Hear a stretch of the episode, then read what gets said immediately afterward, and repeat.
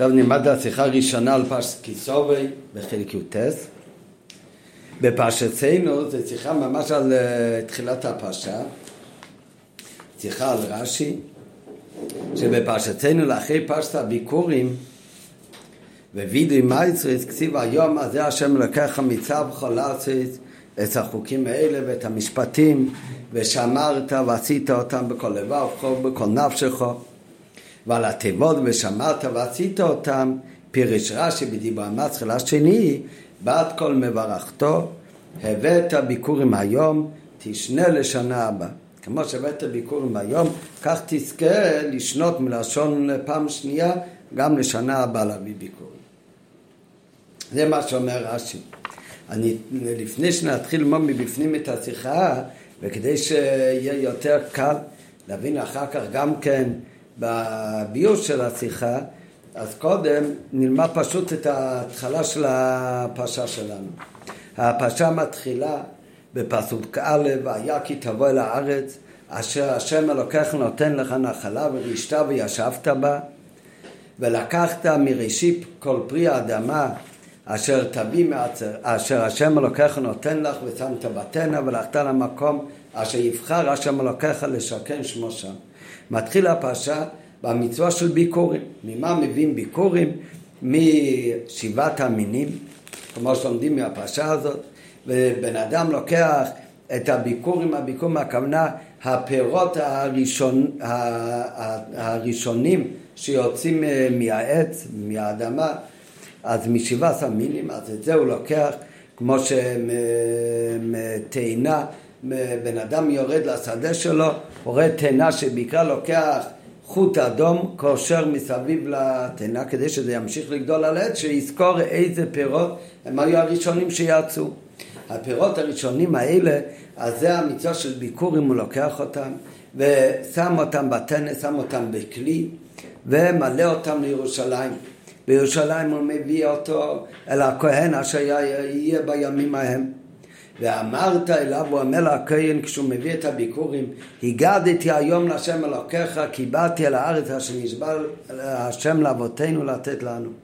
הוא מביא את הביקורים והוא מודה לקדוש ברוך הוא שזה התוכן של המצווה של ביקורים זה שבן אדם ילמד לא להיות כפוי טובה אלא הקדוש ברוך הוא בירך אותו בפירות אז שיגיד תודה והתודה מתבטא לא רק בדיבור אלא גם במעשה שלוקח את הביקורים, את ראשית הפירות, מביא אותם לירושלים, לבית המקדוש, ושם מביא אותם לכהן. וכמוסבר בפרשה כל הדינים, איך עושים את זה? עושים תנופה, הכהן עם בעל הבית ביחד, וענית ואמרת לפני השם אלוקיך, ארמי עובד אבי, כשהוא מביא את הביקורים אז הוא משבח את הקודש ברוך הוא, הוא אומר כבר תודה לכל מההתחלה, מזה שלא ביקש לעקור, כמו שאנחנו אומרים בליל הסדר. ואחר כך הקדוש ברוך הוא הציל אותנו וירדנו למצרים וגם במצרים מינו אותנו ושמו עלינו עבודה קשה ונצעק אל השם אלוקינו והקדוש ברוך הוא הוציא אותנו ממצרים. והוציא אותנו ממצרים מביא אותנו אל הארץ הזאת של ארץ זבת חלב ודבש ועכשיו הקדוש ברוך הוא שבירך אותי בפירות בארץ זבת חלב ודבש הנה הבאתי את ראשית פרי האדמה שנתת לי השם והנחתו לפני השם אלוקיך אחרי שהוא אומר את כל הדברים האלה להודות לקדוש ברוך הוא הוא מניח את זה בבית המקדש שהוא מביא את זה לכהן ושחווית לפני השם אלוקיך ושמחת בכל הטוב אשר נתן לך השם אלוקיך אתה והלוי והגר אשר בקרבך זה פחות או יותר עלייה מראשון עד שני שלמדנו ביום ראשון זה המצווה של ביקור. פרק י"ב מתחיל מצווה חדשה פרק י"ב מתחיל כי תחלל לעשרת כל מעשה תורתך מצווה חדשה. הפירות, הגידולי קרקע בארץ ישראל משבע סמינים, דבר ראשון נותנים ביקורים, זה הראשון שגודל. אחר כך יש מצווה כל שנה ושנה להפריש, אחרי שהביאו את הביקורים, צריך להפריש תרומת ומסרות, תרומה גדולה הולך לכהן, מעשר ראשון הולך ללוי, תרומת מעשר מפריש על הלוי מביא לכהן, אחר כך יש מצווה של מעשר שני, ואחר כך יש מצווה של מעשר עני. מעשר שני ומעשר עני הם לא מקבילים, אלא יש שנים שמפרישים מעשר שני, יש שנים שמפרישים מעשר עני. הרי יש שישה שנים שעובדים באדמה, אחר כך יש נאסא שמיטה.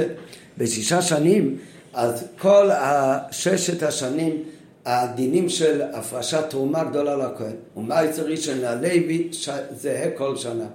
אחרי שהפרישו תרומס ומייצרס, אז בזה יש הבדל. ביום, בשנה ראשונה ושנייה, אז מפרישים מעשר שני. מעשר שני זה בעל הבית בעצמו יכול לאכול. רק איפה צריך לאכול את זה? צריך לאכול את זה בירושלים בטהרה. בשנה שלישית לא מפרישים מעשר שני, אלא במקום מעשר שני מפרישים מעשר עני. בזה אין קדושה, לא צריך להביא לירושלים, אלא הבעל הבית צריך להביא את זה לעניים. זה בשנה שלישית. בשנה שלישית, במקום מעשר שני, מפרישים ממה שנשאר הכי תרומו מייצר, אז במקום זה בשנה שלישית מפרישים מעשר עני. אותו דבר, בשנה רביעית וחמישית עוד הפעם משנות השמיטה, שנה רביעית וחמישית מפרישים מעשר שני, אוכלים בטהרה בירושלים. אם יש לך הרבה, אז פודים את זה על כסף, מלאים את הכסף לירושלים. בשנה שישית עוד הפעם, אז גם כן לא מפרישים מעשר שני, אלא עוד הפעם מעשר עני. הדין הוא שיהודי מפריש תרומות, תרומה צריך להביא לכהן, מעשר צריך להביא ללוי, לא משנה באיזה מקום. מעשר שני, איפה צריך? לקחתי איתך לירושלים. מתי תיקח את זה לירושלים? בשנה ראשונה חייב מעשר שני, תביא לירושלים. לא היה לך כוח לעלות לירושלים, או שפדית את זה בכסף, ובינתיים הכסף מונח במגירה ולא הבאת לירושלים, תביא שנה הבאה. שנה הבאה גם כן הזנחת את זה, אז צריך להביא את זה בשנה שלישית. הכי מאוחר בשנה שלישית צריך לקחת את הדברים לירושלים. ואת כל התרומות ומסרות, ומייצר ראשון ומייצר שני, כל מה שעוד לא סיימת את המצווה, גם אם עשית את ההפרשה, הרי צריך גם להביא לכהן, צריך גם להביא ללוי, מייצר שני? צריך להביא לירושלים. כל מה שהפרשת ועוד לא סיימת את, ה... את, את כל הדברים, אז אחרי שלוש שנים, כי זה יחידה של שלוש שנים, שתי שנים מייסר שני, שנה שלישית מייסר עוני, אחרי שלוש שנים, אם עוד לא סיימת לקיים את המצווה ממה שצריך עם כל התרומות ומעשרות, דהיינו להביא לכהן, להביא ללוי, להביא לירושלים, אז אחרי שלוש שנים, זה הכוונה כי יתחלל העשר. מה הכוונה כי יתחלל העשר? כשתגמור להפריש את המעשרות של שנה שלישית, כי השלוש שנים זה יחידה אחת, אז מה שעוד לא הספקת עד עכשיו לבאר, הגיע הזמן אחרי שלוש שנים זה הזמן של ביאור מסות. מתי זה?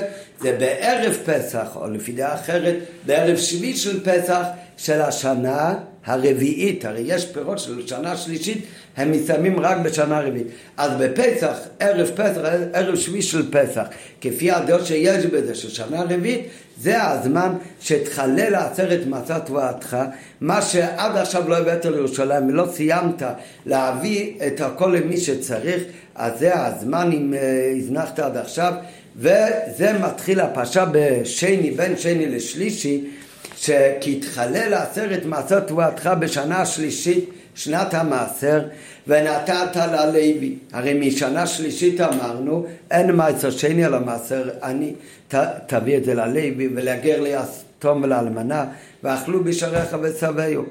ואמרת לפני השם אלוהיכך, ביארתי הקודש מן הבית. ואז יש מצווה בערב פסח של שנה רביעית להגיד וידוי מעשר. וידוי מעשר זה וידוי, לא הכוונה וידוי של עבודת התשובה שאנחנו עכשיו עוסקים בזה בחודש אלול, אלא כאן וידוי מעשר הכוונה להגיד, להתוודות, לא על עבירות, אלא לא, להגיד לקודש ברוך הוא שקיימתי את כל המצוות ואמרת לפני השם לקח ביארתי הקודש מן הבית, גם נתתי ללוי ולגר ליתום ולאלמנה ככל מצוותך אשר ציוותני לא עברתי ממצוותיך ולא שכחתי. עשיתי את הכל כמו שצריך. מה הכוונה עשיתי הכל כמו שצריך?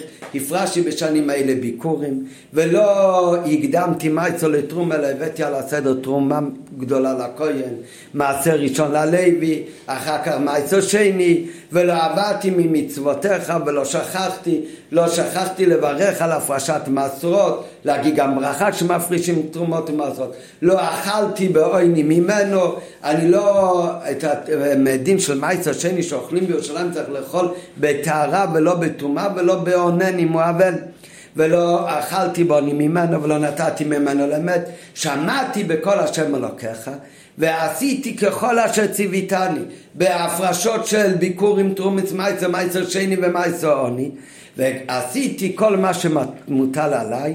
לכן אני מבקש השקיפו ממין קודשך מן השמיים ובורך את עמך ישראל.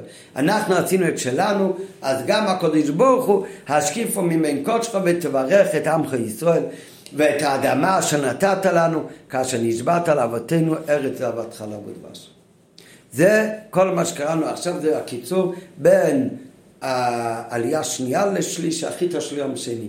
זאת אומרת, החיטה של יום ראשון, ההתחלה עד פסוק י"ב, מדבר על מצוות ביקורים. הפסוקים מפסוק י"ב עד כולל פסוק ט"ו, מדבר על המצווה של וידוי מייסר. אחר כך מתחיל בחיטה של היום אחרי שלישי, בפסוק ט"ז, היום הזה השם אלוקיך מצווך לעשות את החוקים האלה ואת המשפטים ושמעת ועשית אותם, את השם האמרת היום להיות לך לאלוקים. מה זה את השם האמרת? אומר שהמילה הזאת האמרת בהקשר לזה, אין לו עד במקרא, הכוונה אין אה, ראיה מה בדיוק הפירוש, ורש"י אומר שהפירוש הוא מלשון שהוא מפריש ומבדיל את הקדוש ברוך הוא לרומם אותו, לשבח אותו. את השם אמרת היום להיות לך לאלוקים, שאתה מפריד שקודש ברוך שיהיה האלוקים שלך, והשם המירך היום, אז הקודש ברוך הוא מפריש גם אותך מידו כנגד מידו, להיות לו לעם סגולה כאשר דיבר לך. והקודש ברוך הוא ייתן אותך עליון על כל הגויים, ולשם ולתפארת, ולהיותך עם קדוש להשם אלוקיך כאשר דיבר.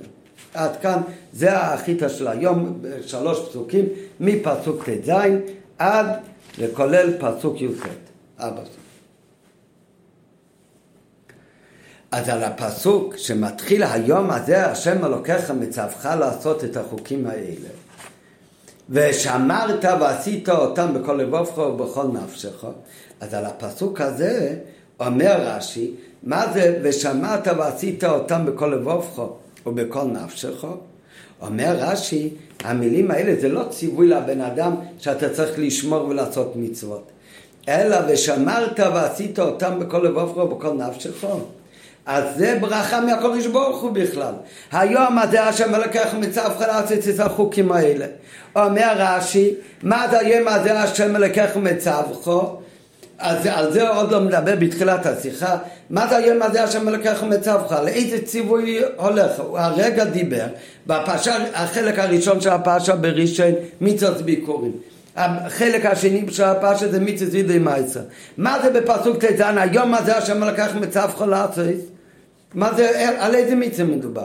אומר רש"י, בכל יום יהיו בעיניך חדושים כאילו בו ביום נצטוות עליהם. היום הזה, זה בא להוסיף ציווי שהמצווה הזאת, נראה עוד רגע איזה מצווה, צריכה להיות כל יום בעיניך כחדושים, כאילו היום ציוו לך על המצווה הזאת. איזה מצווה? אומר רש"י הלאה, ועל זה מתחיל החלק הראשון של השיחה, ושמרת ועשית אותם, זה לא ציווי עכשיו אתה צריך לעשות, אלא ושמרת ועשית אותם, זה בת קול יוצא ומברך את היהודי. ושומע אותו ועשיתו עצם אתה תזכה לשמור את המצווה הזאת ולעשות אותה איזה מצווה? אומר רש"י הבת קול אומר הבאת ביקורים היום תשנה לשנה הבאה אתה תזכה להביא גם שנה הבאה ביקורים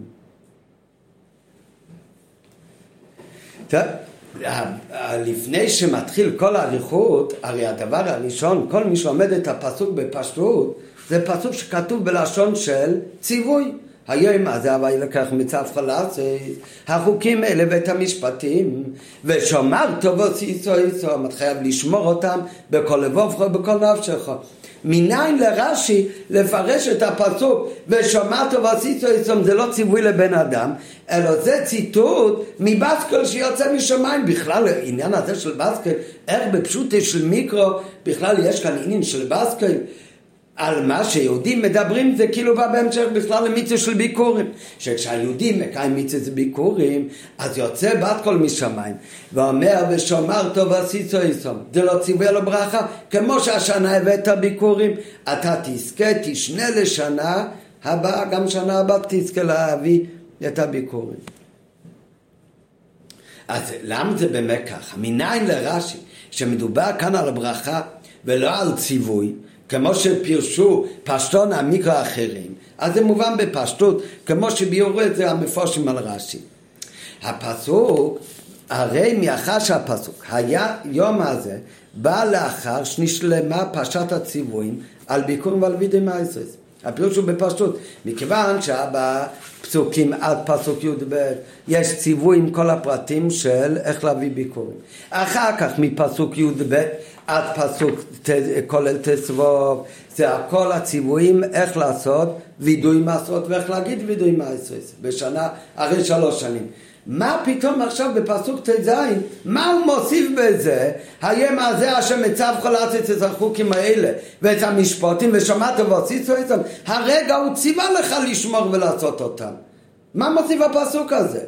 ולכן זה אומרים גם המפורשים ברש"י, זה לא החידוש של השיחה כאן, ולכן זה חייבים לומר, זה ההכרח בפשוט יש מיקרו לפי רש"י, שפוסוק ט"ז ושומע טובות ציצו יצום זה לא ציווי, אם ציווי הוא דיבר עכשיו באריכוס כדי לו את הציווי במשך 15 פסוקים, אלא הפסוק הזה זה כבר ברכה, אם אתה תקיים את הציוויים האלה ואתה מביא באמת ביקורים, הקדוש ברוך הוא יברך אותך ואומר הבאת השנה תזכה לשנה הבאה מאחרי שהפסוק האיים הזה בא לאחרי שנשלמה כבר פרשת הציוויים על ביקורים ווידאי מייסרס ואחרי התיאור איך שבן אדם מקיים הציוויים בפייל כמו שרש"י אומר לפסוק השקיפו ממין קודשך אומר את זה היהודי למה? אומר רש"י עשינו מה שגזרת עלינו אנחנו כבר עשינו מה שגזרת עלינו עכשיו אתה תעשה מה שאתה צריך לעשות לנו ואב הפסוקים שבאים לאחרי ושמעת ועשיתו איסום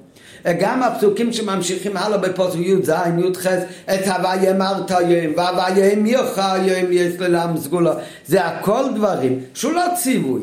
אינם מדברים עוד על דבר הציוויים. אלא הפוך זה כבר מדבר על שבחם של ישראל, שאם את הוויה אמרת היום, אתה משבח, אתה בחרת את הקדוש ברוך הוא להיות לכל אליקים, אז גם מיוך היום הקדוש ברוך הוא גם יבחר אותך להיות ללם סגולה. אז אם מדובר כאן על ידי שבחם של ישראל, זה כבר לא חלק מהציווי. את הוויה והוויה הביאו, הרי שאין מקום כלל לפרש את הפסוק באמצע, ושמעתו ועשיתם זה ציווי. ואם כן אין לפסוק זה כל המשך וקשר לא לפסוקים לפני זה ולא לפסוקים של אחרי זה. ולכן אומר רש"י, וששומעת ועשיתו מייסום זה כמו, כמו הוויה מיוך היום. כמו הוויה מיוך היום זה שבע שהקדוש ברוך הוא משבח את בני ישראל, מברך בני ישראל. אז גם זה זה ברכה שבה מטבחים בני ישראל עבור קיום של מצוות ביקור. ועל פי זה יש לפסוק זה כברכה ושכר על קיום מצוות ביקורים שייכות לפסוקים של אחרי זה. לפי שגם הם, כמו הפסוקים אחר כך, את הוויה מטה ים הוויה מירחיה. זה פסוקים שעוסקים בשבחם של ישראל, שבני ישראל זוכים להוויה מירחו, כשכר להוויה אמרתו, אז גם הפסוק ושמעת ועשיתו עצום, זה גם חלק מהברכה והשבח לבני ישראל, שאחרי שמקיים מצוות ביקורים, יוצא בסקל ומברך אותם כן תשנה לשנה הבאה. ובזה מובן גם כן הדיוק ברש"י, הבאת ביקורים היום תשנה לשנה הבאה. לכאורה, אם זה היה לא שנציב, מצד הציווי, מה זה תשנה לשנה הבאה? מתאים יותר להגיד, הבאת היום ביקורים, תביא ביקורים גם שנה הבאה. הרי הציווי בפסוק זה מלושן, תביא ביקורים, והביא סוף. להביא ביקורים. ולכאורה היה לומר, הבאת ביקורים היום, תביא לשנה הבאה.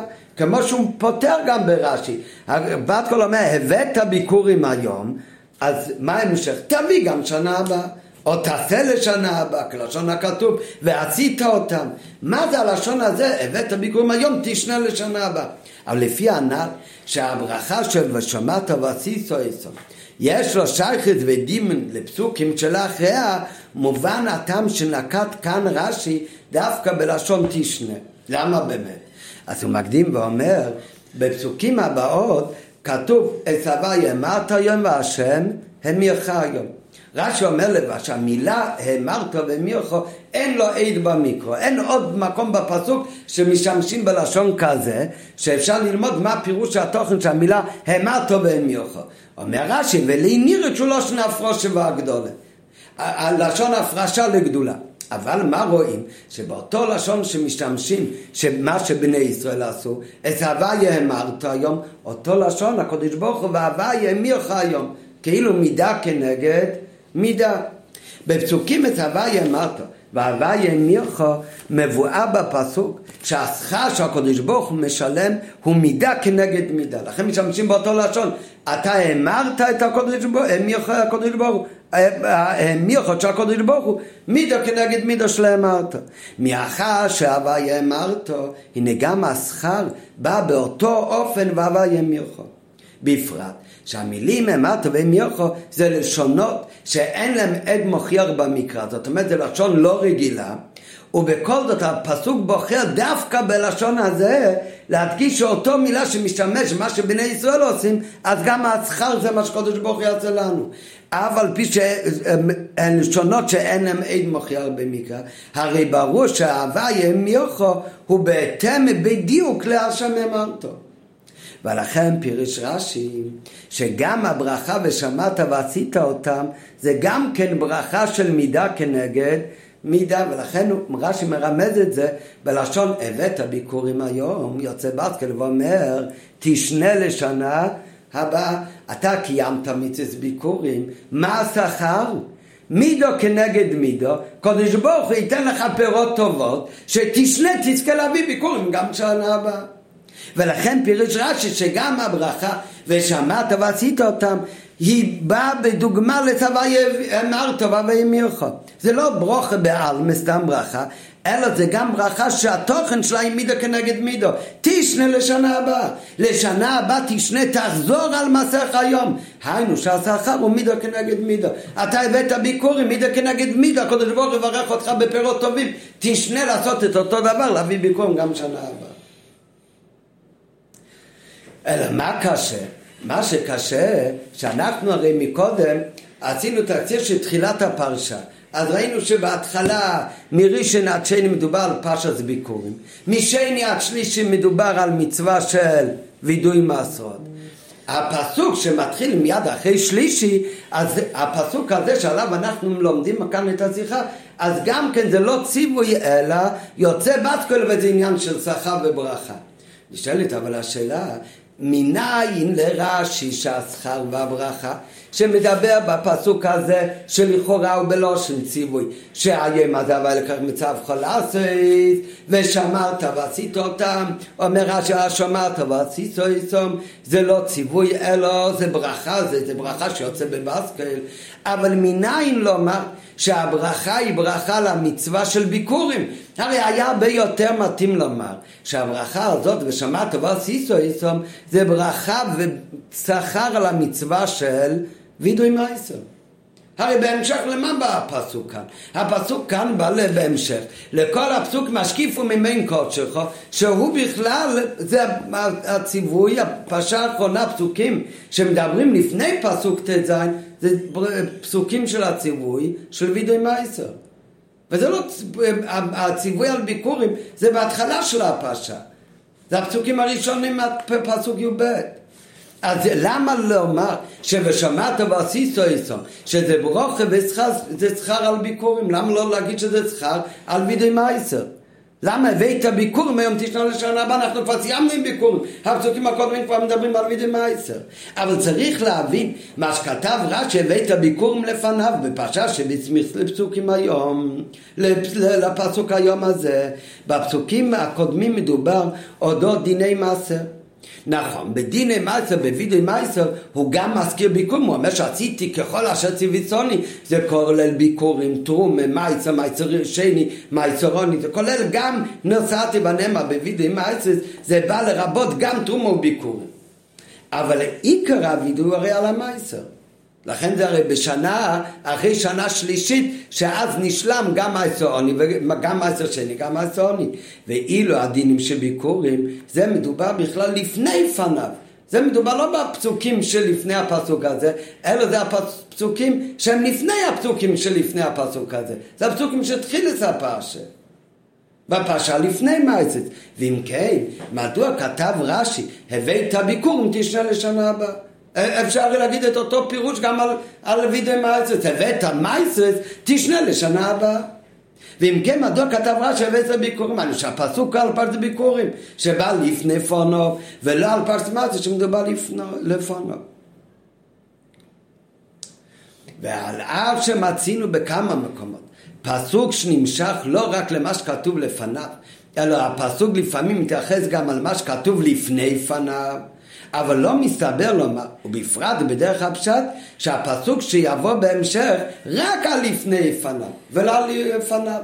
אם היה אומר שהבאת ביקורים ומאיסו תשנה לשנה הבאה, נו, אז זה הולך גם על הפרשה לפני קודמת וגם על הפרשה הקודמת. אבל כאן רש"י לא אומר תשנה לשנה הבאה גם בביקורים ומעשר, רק מביא ביקורים. זאת אומרת הפסוק הזה לפי רש"י הוא ברכה ובא בהמשך לא ללפני פניו רק, אלא זה בא להמשך רק ללפני פניו ולא למה שכתוב בפסוקים מיד לפני זה. ואין לו מה שרש"י מביא ביקורים זה רק דוגמה ובאמת הכוונה הביא ביקורים והולך גם על המעשר ואין לו מה שרש"י מביא את הביקום רק לדוגמה, וזה הולך על הכל. ולמה שנביא דווקא את הביקום לדוגמה? כי זה הראשון שכתוב בפרשה, אבל באמת הברכה בא גם על המייסרס, כי הרי מה לשון הברכה? הבאת שנה תשנה לשנה הבאה. מתי... הברכה הזאת לא מתאימה בכלל לוידי מייסרס. שהרי וידו מייסר הוא לא עוד הפעם בשנה הבאה, מתי זה וידו מייסר? זה רק עוד הפעם אחרי עוד שלוש שנים. ומזה מוכרח שבאמת הברכה כאן הבאת תשנה שנה הבאה זה הולך באמת אך ורק על ביקורים. אז משמע שלדעת רש"י הברכה ושמעת ועשיתם מתייחס רק על ביקורים בלבד. וחוזרת השאלה למה שזה, ללמוד שזה הולך רק על ביקורים ולא גם על מיצר של וידי מצת שכתוב בפסוקים הקודמים ממש.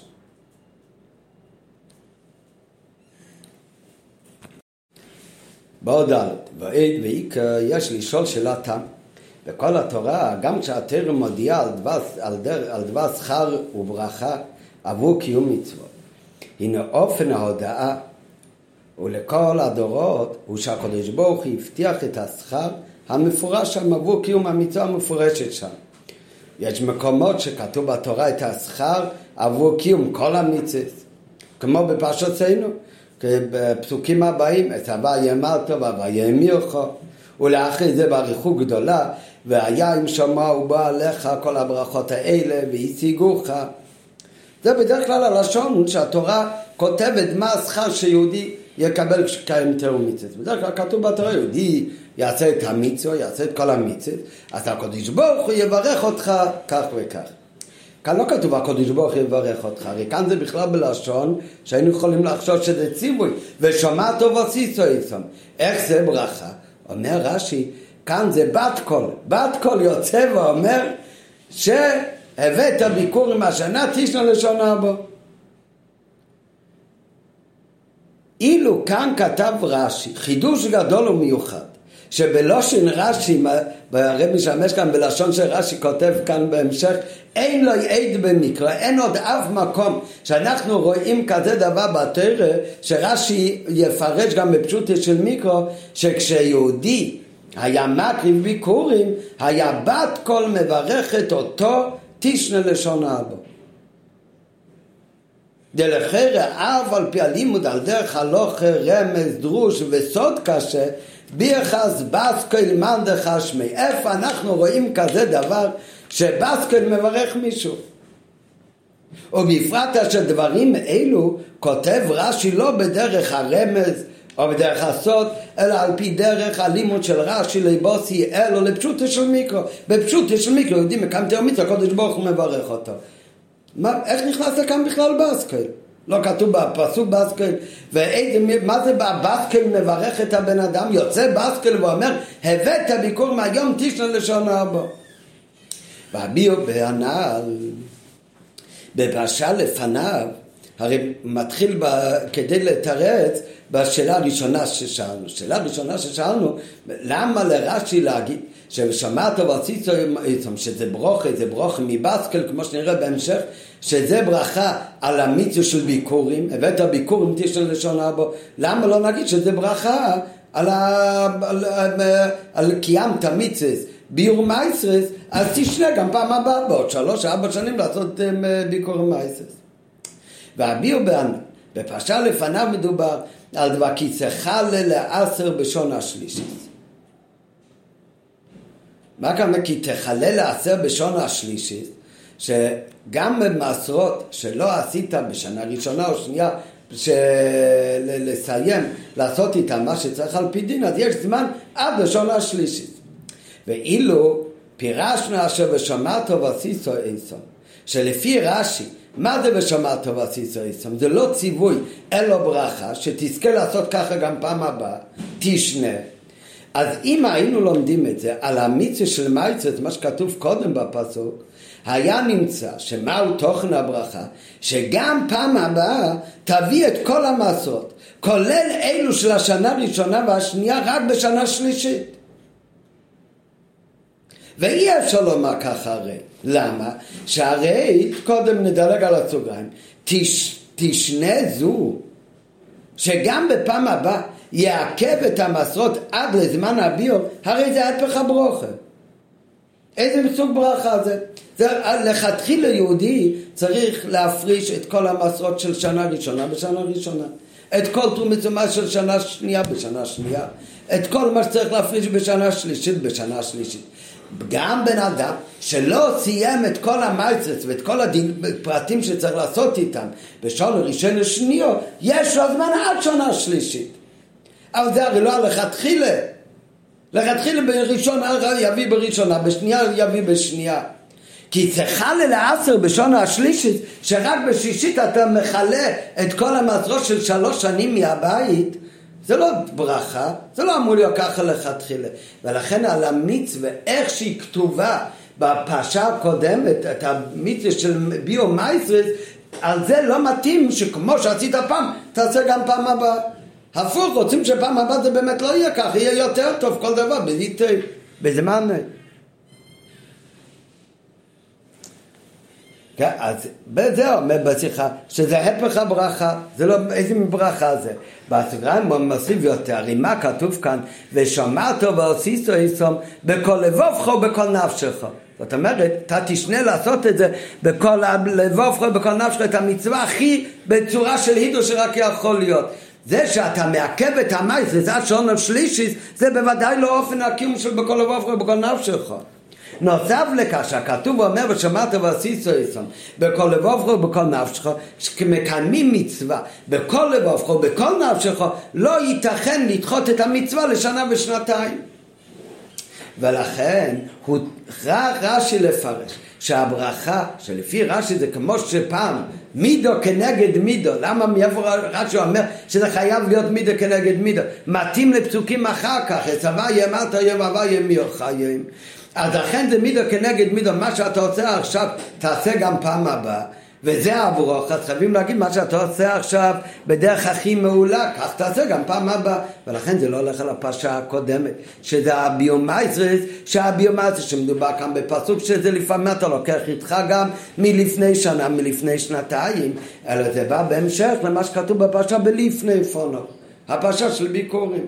ולכן הוא צריך רש"י לפרש שהברכה באה בשייך לביקורים בלבד, ואזי תשנה זה באמת ברכה, שגם לשנה הבאה יביא את הביקורים בכל לבוב ובכל נפשך. אלא מה? עדיין אינו מכובד. זה לא לגמרי מובן עדיין למה. כי איך ייתכן שהפסוק ושמרת אין לו שום שייכות לפרשה סמוכה לו, אלא דווקא לפרשה שבאה לפניה. וכן בהכרח לומר שהגם שכללות הפרשה שלפני המילים היום הזה מדברת על דבר וידוי מייסרס, הרי בסיום ובסמיכוס ממש לפסוק היום הזה, יש עוד הפעם בפסוק איזשהו עניין, עוד לפני הפסוק שמתחיל כאן בברכה יום הזה השם אלוקיך מצב חלסת אלא גם בפסוק ט"ו בהשקיפו ממין קודשך שזה פסוק שמדבר על מייסר ועל וידוי מייסר גם בפסוק הזה בסוף לפני פסוק ט"ו ממש במילים האחרונות לפני שלישי יש עוד הפעם כמה מילים שהם קשורים לא לעניין מיצה של וידי מייסס אלא חוזרים למיצו של ביקורים על כל פנים בדרך הרמז לביקורים ולכן בהכרח לומר שגם כללות הפרשה שלפני היום הזה שמדברת על דבר מייסס הרי בסיומה איפה? בסמיכס ממש למילים שמתחילים בפסוק ט"ז בשליש היום הזה ישנו עניין שיש לו שייכות מיוחדת לביקורים ואז באמת גם מובן שבהמשך לזה בא הפסוק היום הזה והברכה שהיא באמת ברכה על ביקורים. זה לא רק על לפני פניו, אלא זה גם קשור למילים שכתובים בסוף פרשת מייסרס, שגם שם יש כמה מילים שקשורים לעניין של ביקורים. איפה רואים שבפרשה הקודמת יש גם עניין שקשור לביקורים? וכל הפרשה הקודמת בין שני לשלישי מה שמדובר בפשטות, מדבר על, הכל על וידוי מייסר. לא אכלתי בוני ממנו ולא ביארתי ממנו בתומה ולא נתתי ממנו למת, הכל הולך על המייסר. שמעתי בכל השם אלוקי יציתי חיל אשר ציוויצוני, זה מה שאומרים כשהוא מביא ומבאר את כל המעשרות שנשארו לך, נשארו לו בתוך שלוש שנים. גם הבקשה שקיפו ממין קודשך וברך סמכי ישראל אומר שעשינו כל מה שגזרת עלינו בהפרשות תרומות ומעשרות בווידי מייסר תעשה מה שתברך אז איפה יש כאן עניין של אה, שקשור לביקורים בפסוקים האלה? אז יש הבדל במצווה של ביקורים למצווה של אה, תרומס ומייסס תרומס ומייסס מחויב בגידולי קרקע בכלל, בכל תבואה לעומת זאת, בתבואה ופירות, לעומת זאת, המצווה של ביקורים, מצווה ביקורים זה אך ורק בשבעת המינים. מה שלא משבעת המינים, אין עליו המצווה של אה, ביקורים. הפסוק אומר, בסוף של השקיפו ממין כושך, אומר הפסוק, שאנחנו עשינו מה שאנחנו חייבים. עכשיו שהקדוש ברוך הוא מבקשים ממנו להשקיף ממין קודשך מן השמיים, ובורך את עמך ישראל ואת האדומו אשר נתת לנו כאשר נשבעת לאבותינו, ארץ זבת חלב ודבש. מה זה ארץ זבת חלב ודבש? זה מרמה ארץ ישראל, שארץ ישראל, שהוא ארץ זוב חלב ודבש, השתבח בפירות. באיזה פירות ארץ ישראל להשתבח? שבח ארץ ישראל, זוב חלב ודבש, זה שבע סמינים. ובפרט שכתוב כאן ארץ זו וסחולו ודבש, מה זה דבש? דבש הכוונה בתרא זה לא דבש דבורים. בתורה דבש הכוונה דבש תמרים, שתמרים זה משבעת המינים. מה שנקרא היום בעברית סילן. אז זה ארץ זו וסחולו ודבש, זה דבש תמרים. זה חלק משבעת המינים. העניין הזה של זו בת חול ודבש למצווה של הפרושת של תרומס ומייסרס זה הרי לא כל כך קשור בכלל כי הדין של מייסר זה גם בדברים שהם לא מהדברים שנשתפכו ארץ ישראל לעומת ביקורים שאדרבה, המצווה של ביקורים קשורה דווקא לארץ זו וסחול ודבש. ולכן ממה מביאים ביקורים כמו שהגמל לומדת, רק מהדברים שנשתפכו בארץ ישראל, אלו משבעת המינים. כמו שרש"י מביא ממש בתחילת הפרשה מראשית ובלי כל ראשית מביא רש"י שאין כל הפרץ חיום בביקורים אלו שבעת המינים בלבד. מאיפה יודעים? נאמר כאן ארץ ונאמר להלון ארץ חיתו סיירו מה להלון משבעת המינים שנשתפכו בין ארץ ישראל אף כאן שבח ארץ ישראל ולכן גם בשבט המינים גופה יש הדגשה שהביקורים צריכים להיות מהמופחות שבשבט המינים.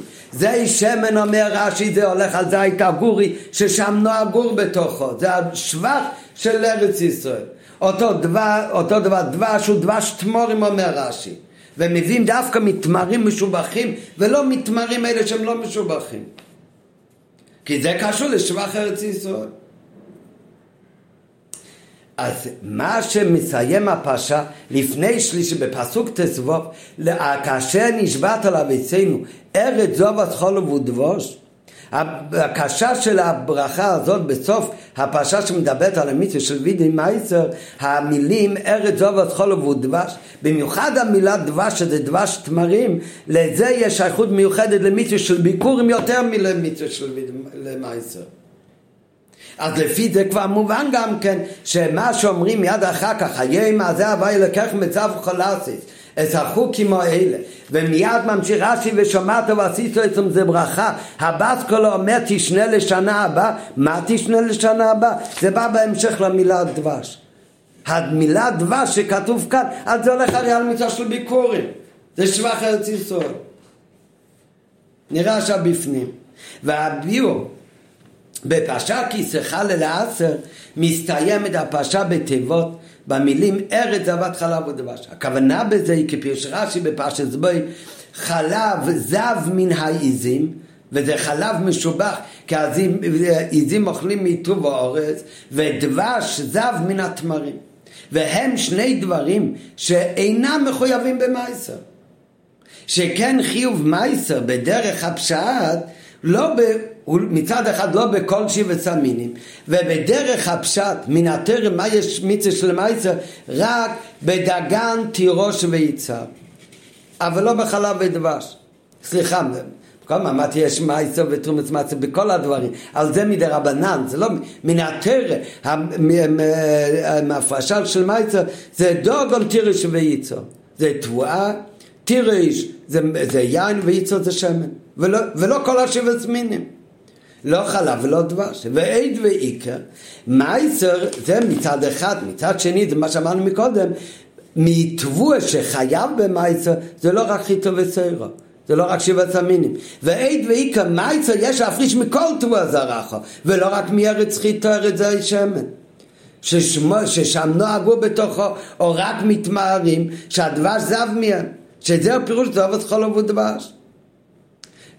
אז לכן המילים, זו, לכן המילים חול ודבש שכתוב בסוף הפרשה, אין להם לכאורה שום שייכות למצווה של מייסר, כי תמורים לא מביא מייסר, מחלב לא מביא מייסר. מחלב גם לא מביאים ביקורים, הביקורים זה קשור לזובת חול ודבש, כי ביקור מביא ממה שהשתבח ארץ ישראל, משבח ארץ ישראל, שבח ארץ ישראל זה ארץ זובת חול ודבש. דבש כפשוטה גם כן, זה דבש תמורים, יש על זה המצווה של ביקורים. לעומת זאת המצווה של מייסר, אז אם מביא מתווה דוגון תירש ויצו, זה כל דוגון חיים, לא רק חיטו וסרו שמשתפכו במרץ ישראל. מצד שני, בנוסף לדוגון יש גם תירש ויצו ולא מעבר לכך. ומתמורים שזה דבש בכלל אין מייסר. אבל לביקורים בוודאי יש למילים אלה שייכות. שהרי תיבת חובת ביקורים חלה גם על דבש תמרים, כמו שהביא רש"י בתחילת הפרשה, שמה זה דבש? כאן זה תמורים. וכן וייתן לנו ארץ זו ותחול ובדבש, נכון חלב הרי לא חייב לא במעצר ולא בביקורים, אבל ארץ זו ותחול ובדבש זה הטעם למצווה ביקורים. ארץ אבות חולב הרי תוכן שמיצס ביקורים. זה לא להיות אה, כפוי טבע, הקדוש ברוך הוא בירך אותך, אתה מביא מהדברים הטובים. והוא הטעם למיצוס אבות ביקורים להראות שאינו כפוי טובה כפי שממשיך מיד. הקדוש ברוך הוא בירך אותך. בטוב האורץ וארץ ישראל נשתבח זה ארץ אבות חולב ודבוש אתה אומר לקדוש ברוך הוא תודה מהפירות הטובים או כפי שממשיך מיד ועכשיו הנה הבאתי את ראשית שמפירות אלו בלבד יש לו אבי ביקור. ממה מביאים ביקור? לא מכל דורון, אלא רק מהדברים האלה שקשורים להודות לקודש ברוך הוא על ארץ ישראל, על שבח ארץ ישראל. ולכן אף שכל הפרשה לפני היום הזה מדברת על דבר וידי מייסר, המצווה שקשור למייסר, וכן התיבות זבת חלב ודבש באות באמת בהמשך לבקשה השקיפו ממנו מהשקיפו מן השמיים ובורך סמכו וסורץ שזה נאמר באמת המילים האלה בעת וידוי מסרות.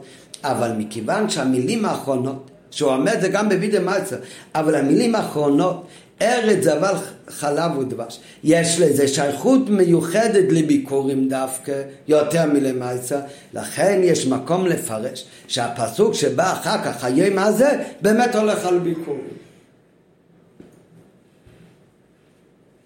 זאת אומרת, יש שתי דברים, אומר את זה בהמשך כדבר אחד, אבל נראה אחר כך גם בצריכה, שזה כאילו שתי דברים. הרי זוב, חולוב ודבש, יש שתי סיבות שזה קשור לביקורים יותר מלמייסר. זבת חלב ודבש, כולל גם חלב, כל המוצג חולוב ודבש, שזה שבח ארץ ישראל, הוא לא כל כך קשור למעשר כמו לתרומה, מכיוון שמייצר שחייבים בדוגון, חייב בכל סוגי דגן, לא רק המשובח, לא רק משירת המין. מצד שני, מה עוד חייב במייצר?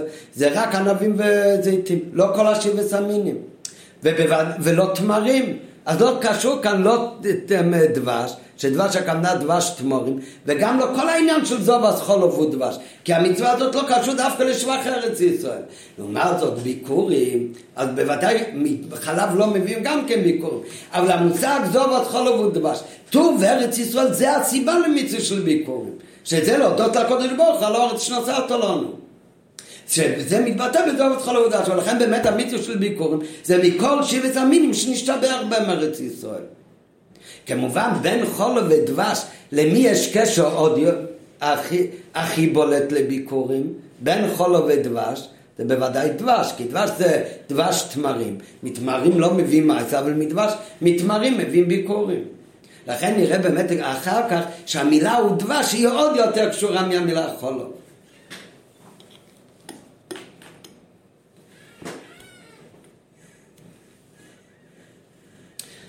עדיין יש עניין אחד שנשאר קשה. הרי מה ששאלנו, שהשכר שתשנה שנה הבאה ושמעת ועשית עצם, הבאת ביקורים, עכשיו גם מובן שהביקורים זה קשור לא רק לפרשה ללפני פונוב, אלא גם למילים ארץ זו וצחולו ודבר שכתוב צמוד לכאן.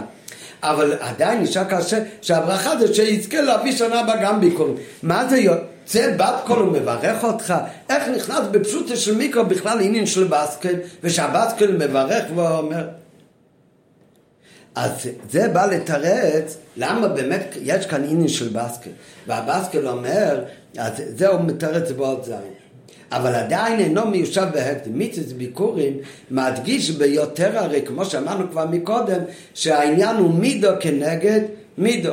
שמאחר שהקדוש ברוך הוציא אותנו ממצרים עבודה קשה ולהביא אותנו אל הקצה ההופכי מארץ מצרים מאבי דקושה נתן לנו החובה ארץ זו וסחול ודבש אז צריך להיות גם מצד הבן אדם גם כן העניין שלא יביא מכל הפירות אלא דווקא מרשיס שיביא גם הוא את הכי טוב. כמו שהקדוש ברוך הוא הוציא אותנו מארץ מצרים והביא אותנו למקום הכי טוב. אותו דבר זה גם מידו כנגד מידו. צריך להיות בקיום המצווה שלנו שנביא לקדוש ברוך הוא את הפירות הכי טובים. לכן זה משבעת המינים. שלא יביא מכל הפירות אלא דווקא מרשיס שמראשית כמו שהבאנו מקודם מרש"י זה הכי טוב אם זה של סמינים. ובזה גופה צריך בתוך של סמינים גם כן להביא את הכי טוב. דווקא תהיינו וכייצא בזה שביקרו הראשונה שזה מסמל שזה הכי טוב הכי משובח וכן מודגש עניין זה גם אותו דבר זה גם כן הכך מידו כנגד מידו בברכה שהקדוש ברוך הוא גם מברך את בני ישראל גם כן באופן של מידו כנגד מידו זאת אומרת קיום המצווה שלנו זה מידו כנגד מידו להודות לקדוש ברוך הוא עם הכי טוב שיש לנו אז גם הקודש ברוך הוא מברך אותנו גם באופן של מידה כנגד מידה. שצוויה אמרת היום, לכן הוויה מירך היום. אז אם כן יש לשאול, הרי יש עוד עניין שאנחנו צריכים למצוא את המידו כנגד מידו בביחס הקודש ברוך הוא. הרי במצווה של ביקורים אז יש את ההודעה שיהודי צריך להראות שהוא לא כפוי טבע. ולהודות לקודש ברוך הוא יהודי עושה את זה גם במעשה וגם בדיבור. במאיצה על ידי שהוא לוקח מהפירות והכי טובים והכי משובחים הוא מביא אותם לקודש ברוך הוא על ידי שמביא אותם לבית המקדוש ונותן אותם שם לכהן. אבל זה לא מספיק. ההודעה ועל אמירת התודה שהוא לא כפוי תבל הקדוש ברוך זה גם בדיבור. ואוניסו ואמרתו ואומר רש"י ואוניסו ואמרתו בכל רום. לקדוש ברוך הוא הגדתי היום להשם מלכך שהבן אדם מבטא לא רק במייס אלא מבטא גם בדיבור בכל רם את ההודעה שלו לקדוש ברוך הוא אז אם כן, גם המידו כנגד מידו, שצבא יאמר תוים, והווה ימיך היום, צריך להיות שגם הקדוש ברוך יברך אותך בכל רום ואניסו ואמרתו. אז על זה אומר רש"י, ש"ושמעת ועשיתו איסום" זה בס כל יוצא ואומר בכל רם, הבאת ביקורים היום תזכה לשון תשנה לשון הבא. ואם כן יש לשון נראה שבפנים, הלא לא די בזה שאדם מקיים את אבל לקחתם מראשיס והלכת אל המוקם שיבחר וילקח כנגד המידה שהביאנו אל המוקם הזה הקודש ברוך הביא אותנו לכאן. אז גם אנחנו מביאים פירות לקודש ברוך לבית המקדש הכל באופן כמו שאמרנו של מידה כנגד מידה והנה ואיצי והנחת לפני וילקח זה כנגד המידה שאני מניח כאן את הכי טוב. זה כנגד מה שהקודש ברוך הוא והייתם לנו את האורץ כדי להראות שאינו כפוי טוב אבל באופן של מידו כנגד מידו זה עוד לא מספיק. אבל כשמוסיף הגדתי היום להוויה לקחו אלא הוא צריך להוציא את זה גם בדיבו ויצר על כן באופן שבאוניסו מה זה באוניסו? בארום אספל אז הרי מגיע לו מידו כנגד מידו אבל גם על הדבר הזה. כי זה הרי התוכן של המצווה כאן מידה כנגד מידה וגם השכר הוא אמר טובה מיוחד מידה כנגד מידה ולכן מכריח פשוטה של מיקרו של כל הפרשה שאיך שהיא עובדת באופן של מידה כנגד מידה שיהיה גם מידו של ואוניסו מלמיילו מהקודש ברוך הוא כנגד ואוניסו דידי של היהודי שמביא את הביקורים רק מה, איך ייתכן כזה דבר? איך יכול להיות שהקדוש ברוך הוא והניסו בקהיל רום לברך את היהודי? הרי במתנתר בני ישראל אמרו למשה רבנו נשמע עוד דיבור אחד מהקדוש ברוך הוא וכולנו מתים. אבל כיצד ייתכן הדבר? הלא בעת שכישום החמץ הקהל טענו בני ישראל כי מכל בוצע ששום הקהל אליקים קרב הטוב ושמע, ביקשו שרק משה רבנו יקרב לשמוע. היינו שעניין זה לשמוע ישירות מפי הגבור שייך למשה. ולנובי אשר עוקים כמך ונוצרתי דבורי בפיו ודיבר עליהם. זה לא שייך לכל יהודי. ולכן בהכרח לומר שהאבוניסו מלמעלה אכן יש כאן. רק איך יש את הניסו מלמעלה? זה היה על ידי בת קול.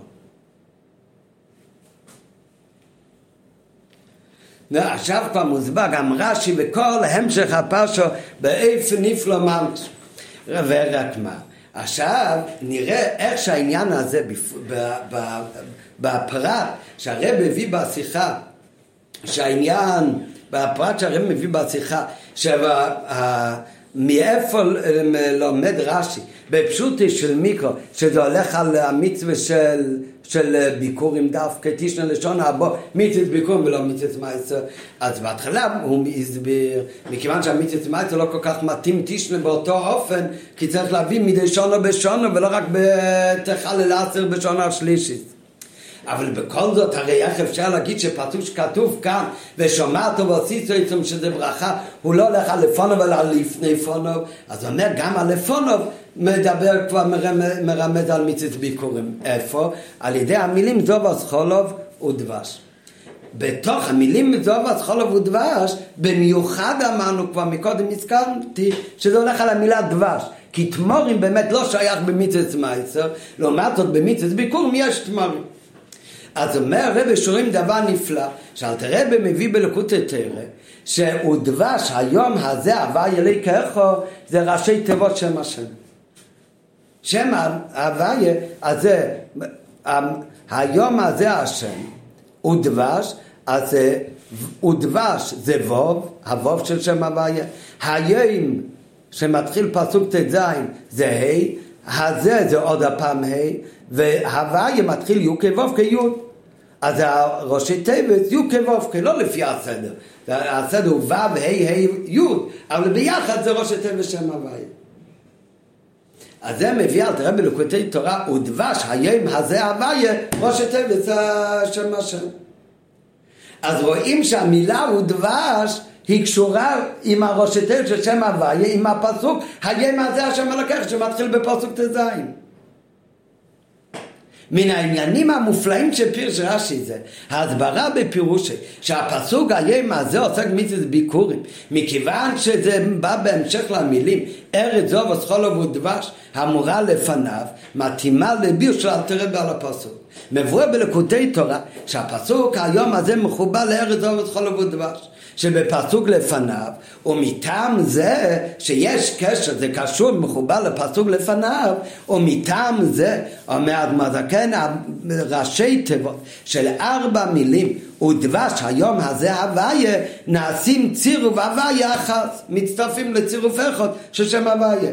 לפי שהווב של ודבש מחובר למיקרו שלמטה ממנו. וכשם שנדבר לי בחלק הפשט, שהפסוק מחובר לכל ארבע מילים ארץ זו וסחול ודבש. אבל לאידוך עיקר החיבור הוא למילה, הוא לתיבת דבש, כיוון שהחיוב להביא ביקורים הוא באמת הרי לא מחלב, אלא מדבש, מתמרים. ולא בחלב. על דרך זה באביר, על פי חסידס בלקוטי תרא, שאומר אדמה הזקן שהמיקרו מחובר לפרשו שלמעלה ממנו. שמסיימת, אומרת מזקן את הארבע מילים, ארץ זבת חלב ודבש ממנו. החיבור הוא לכל הארבע מילים, לכל הארבע תיבות. מכל מקום עיקר החיבור, איזה מילה היא מחוברת לראש התיבה של שם הוויה? עיקר החיבור דווקא בתיבה הוא דבש, שהוו שלה מחובר לראשי תיבות, היום הזה הוויה עד שנעשים צירוף הוויה אחד.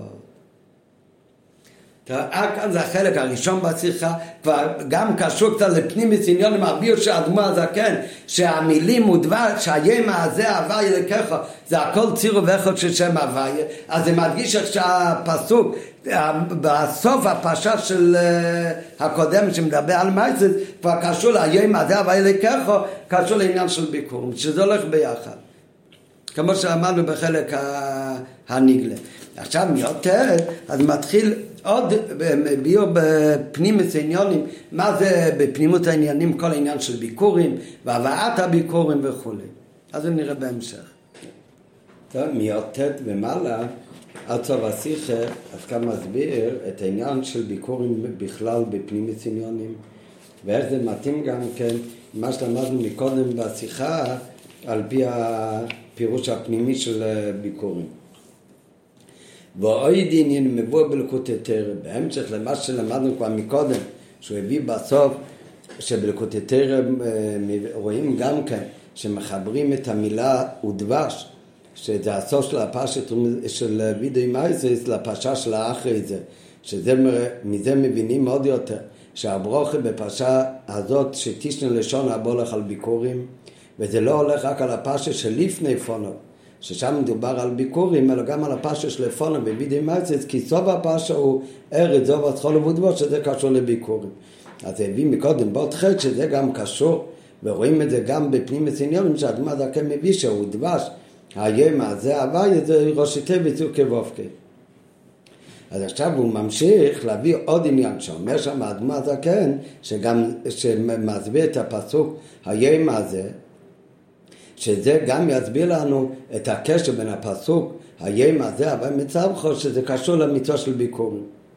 ועוד עניין מבוא בלקוטי תורה לפסוק היום הזה, אז אומר אדמת הכן שהיום הזה זה כוח על ראש השנה, זה היום זה ראש השנה. וגם עניין זה, שהיום הזה בפסוק כאן, זה קשור, זה מרמד על ראש השנה, מתאים עם פירוש רש"י, שהפסוק היום הזה מדבר על ביקורים, תשנה לשון הבא, זה הולך על ביקורים. הבאת ביקורים, תשנה לשון הבא. למה? לפי שאב הביקורים זה על דרך ראש השנה, זה עניין של רשת.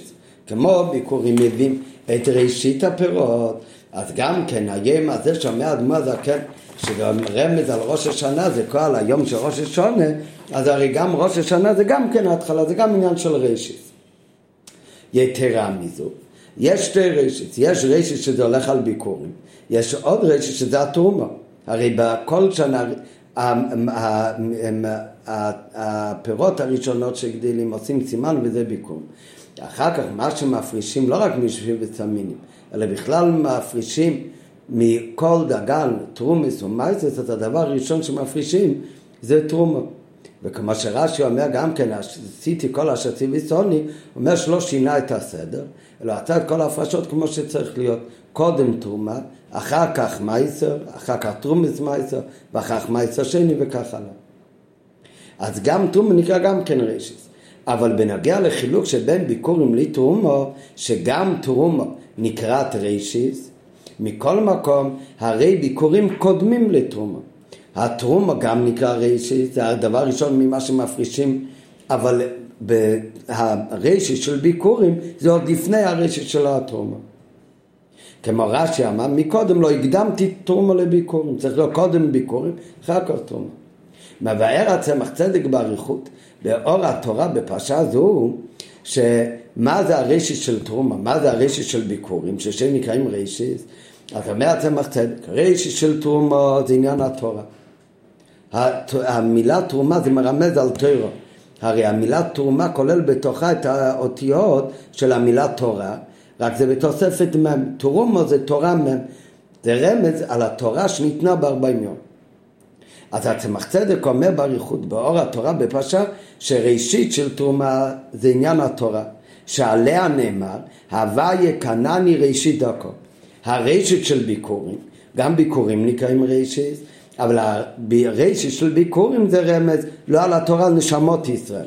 שגם על נשמות ישראל גם כתוב במילה רשת. שניהם הקודש ישראל הוויה רשת ועושה.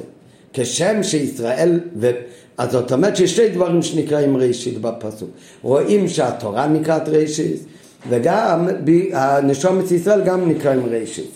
רק בין שתי הראשית האלה, רק בין שתי הראשית האלה, שהתרא נקרא ראשית, וגם נשומת ישראל נקראים ראשית, כי שתיהם הם באמת גם קודמו לאילום, התרא קודמו לאילום ונשומת ישראל קודמו לאילום, אבל בזה גוף איזה רשת הוא קדם. אז כמו בהפרושה אמרנו שההפרשה של ביקורים חייבת להיות לפני תרומו, אז גם נשומת ישראל הם קודמים אפילו לתרא. כך גם ביקורים קודמים לתרומה, למה? כי ישראל קודמו לתרא. הוא מבאר שם צמח צדק באריכות, כפי שמבאר שם צמח צדק באריכות. שעניין הביקום שבנשמות ישראל זה קשור עם עצם הנשמה. מה זאת אומרת שנשמות ישראל הם קודמים לתורה? פעם כתוב שנשמות ישראל קודמים לתורה, הרי כל התורה זה בשביל לצוות לישראל, הסימן שהתורה זה אמצעי בשביל ישראל, אז ישראל קודמו לתורה. מצד שני, הרי כתוב שישראל רצי קודשי בריחו כל אחד, אז יש פירוש שישראל מתקדשים בקודשי בריחו על ידי רייס, על ידי התרא. זאת אומרת שהתורה היא נעלית מישראל, וישראל צריכים את התורה להתחבר לקודש ברוך הוא. אז מוסבר בחסידות שתלוי על איזה דרגה של נשומת ישראל מדברים. הנשומת ישראל איך שנשאל שלו כאן למטה, אז כדי לגלות את החיבור שלהם עם הקודש ברוך ואת המעלה שלהם זה צריך על ידי תרא. בגלוי כאן אז התרא זה נעלה מנשומת ישראל. אבל בשרש של נשומת ישראל, אז נשומת ישראל קודמו לתרא. זאת אומרת בין שתי הרשת, בין תרא שנקרא רשת ונשומת ישראל נקרא רשת, אז נשומת ישראל זה ביקורים שקודמו לתרומה, נשומת ישראל זה קודמו לתרא. אבל על איזה דרגה זה בנשומת ישראל? זה שורש של הנשמות של בני ישראל. הביקורים זה מדבר, מדבר על הנשמות ישראל, איך שקשור עם עצם הנשמה, כמו שעצם של יהודי מושרשת בעצמוס, ששם בשרש הנשמה שמושרשת בעצמוס, מחשבתום של ישראל קודמו לכל דובר, מה הכוונה קודמו לכל דובר? כולל גם התורה. ובזה מובנת השייכות של ביקורים לראש השונה. לפי זה עכשיו מובן עוד יותר מה שאמר מקודם. שומעים שהאדמה זקן אומר שהפסוק הזה היום הזה על ראש השונה.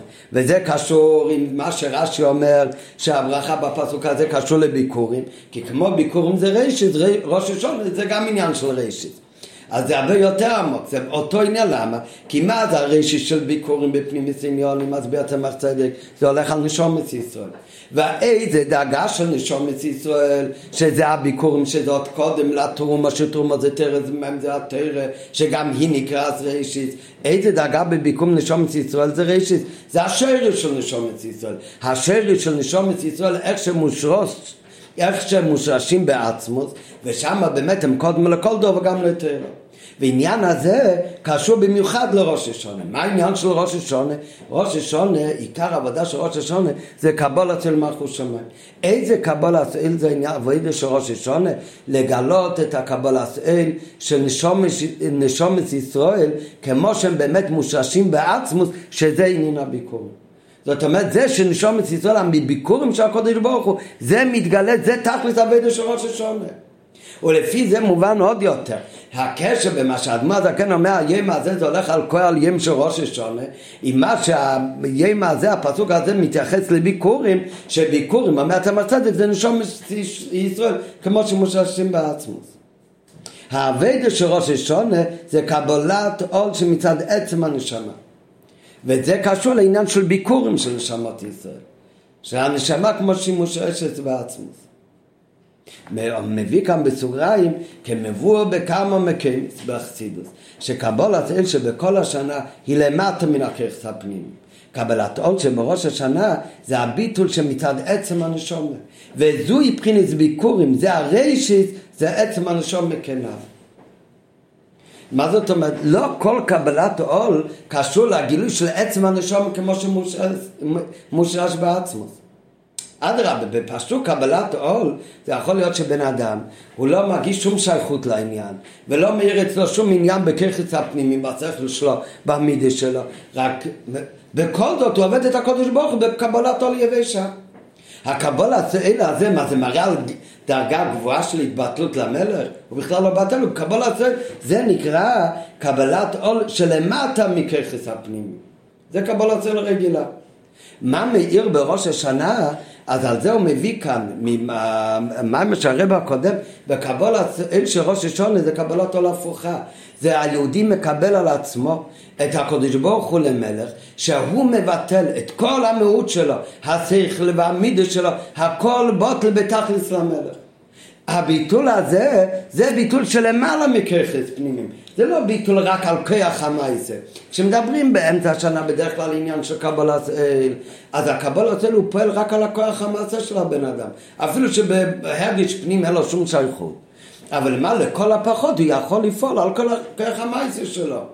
הקבלת אל כזה, אז על מה הוא יכול לפעול? שיעשה פעולה עם היד אפילו שהוא לא מרגיש. אז זה קבלת אל בכרך המייסה, זה הקבלת אל שלמטה מכרך הפנימי. קבלת אל בראש השנה זה עניין אחר. זה לא שבפה ממש היה תעשה מה שהקדוש ברוך הוא ציווה. קבלת אל בראש השנה זה לגלות שהיהודי הוא לא מציע של העצמי, אלא כל כולו זה עבד של הקדוש ברוך הוא. אז זה הביטל של עצם הנשמה של הקודש ברוך הוא. זה הקבלת עול של ראש השנה. זה נקרא קבלת עול של למעלה מכוחות הפנימיים. הקבלת עול של ראש השנה, העבודה הזאת של ראש השנה, אז זה באמת קשור, זה לא למטה מככס הפנים אלא אדרבה. זה התמסרות לקודש ברוך הוא שלמעלה מכל החשבנית, למעלה מכל הככס הפנימיים שלו, והקבלת עול הזה הוא קשור לעצם הנשמה כפי שמושרשת בעצמוס. וזה מה שמתגלה בראש השנה. ולכן בראש השנה, שעל זה מרמז הפסוק הזה, היום הזה, אז זה הווידה של ביקורים, הכוונה זה הגילוי של עצם הנשומה של נשמות ישראל שנקראים ביקורים, כמו שמושרשים בעצמם. על זה מוסיף כאן בסוגריים מרובעות, שזה גם קשור שאחד מהעניינים העיקריים בראש השונה זה שמתגלה בו העניין הבחירה. האטו וחתון, הבחירה של הקדוש ברוך הוא בבני ישראל, כמו שאנחנו אומרים בתפילה בראש השונה, לפני התקיס אומרים יבחר לא נסנח לא עשינו, שהקדוש ברוך הוא יבחר בנו. ומה זה הבחירה הזאת? הבחירה היא מצד הביקורים שבנשומה, הבחירה קשורה לעצם הנשומה. הביו בזה. ימיתיס אינין הבחירה היא רק באופן שאינה תלויה כלל בשום טעמים וסיבות לבחירה. ולכן נמשכת הבחירה מדרגה כזו שבו אין תפיסת מקום. למיילס ומייס התחתונים ושם בדרגה כזאת אוכי סוב ליעקב. שם שניהם בשובה ובחינת המקיפין שלמעלה משתלשלוס אז שם הכל בשווי יכול להיות נמשך גם לאומץ אילום ויותר מזה שם יש להם שייכוס יסרו לאומץ אילום כידוע בעינין הבחירו דאיסוף שהבחיר היה לאיסוף כי בשרש הוא קשור למקיף עוד יותר מהיעקב מכל מקום גם מדרגה כזאת יתגלה שאויב את יעקב ולא יעשה איסוף. מאיפה זה מגיע? כאן הבחיר היא מצד שרש הנשומס שמושרשות בעצמוס היזבורך וזה הביקורים שבנשומת שמצד בחינה זו יעקב הוא הבחיר והבחיר היא בישראל דווקא. כאן זה כתוב ממש בקיצור בסוגריים. זה עניין שמוסבר במקומות האחרים באריכות וזה עניין עמוק. אבל הנקודה מה שאומר כאן שיש בנשומת ישראל יש מעלתם של ישראל, הקשר המעלה של נשומת ישראל זה בעין ערך לגבי נשומת של אומץ האלו. אז זה שיש מעלה והקדוש ברוך הוא מחובר לנשומת ישראל יותר מאומץ האלו זה לא עניין הבחירה כי זה גם מצד הטעם וגם מצד המיילה יש בזה תפיסת מוקים וסיבה שנשומת ישראל הם מנהלים יותר. מה זה עניין הבחירה זה ששתי הדברים שווים. מה כאן שתי הדברים שווים? או שהם שווים, או שגם אם שתי הדברים הם לא שווים, אבל לגבי כזה דרגה גבוהה בלוקות, אז שם אין שום תפיסת מקום לשום עניין של מעלה וחיסרון. אז לגבי הדרגה הזאת הם באמת שווים. ושם כשהדברים שווים, בכל זאת הקדוש ברוך הוא אומר אני אוהב את בני ישראל ולא ישום בצלם אז מה זה מראה? כאן הקשר של הקדוש ברוך הוא לבני ישראל זה לא בגלל איזשהו מעלה. אם הקשר בגלל איזשהו מעלה, אז גם הקשר מוגבל לפי גודל המעלה שבעניין. דווקא כש... כשלא נרגש שום מעלה. מה הכוונה שלא נרגש שום מעלה? לא חס וחלילה שאין מעלה בנשומת ישראל, אלא הכוונה דאגה כזאת אצל הקדוש ברוך הוא, שלגבי דאגה כזאת אין שום תפיסת מוקים למעלה. לגבי עצמותו של הקדוש ברוך הוא שם הכל בשווה. ויותר מזה הוא מוסיף שמצד עניין המקיפין עוד יכול להיות ניסים לסמוקים ללעומת זה יותר. וגם מצד דאגה כזאת שאומרים, הלא אוכי סוב ליעקב, מה כמה אוכי סוב ליעקב? זה דאגה כזאת גבוהה שהמיילה של יעקב החיצוני של עצב שום דבר לא תופס מקום. ולכן שם הכל הוא בהשוואה גמורו. אז בכל זאת, קדוש ברוך הוא אומר שהוא אוהב את בני ישראל. אז זה לא, אז בפשטות אפשר לחשוב, אז אם ככה זה סתם עניין חיצוני, אז שתי שווים ובכל זאת. האמת שהוא בדיוק אדרבה.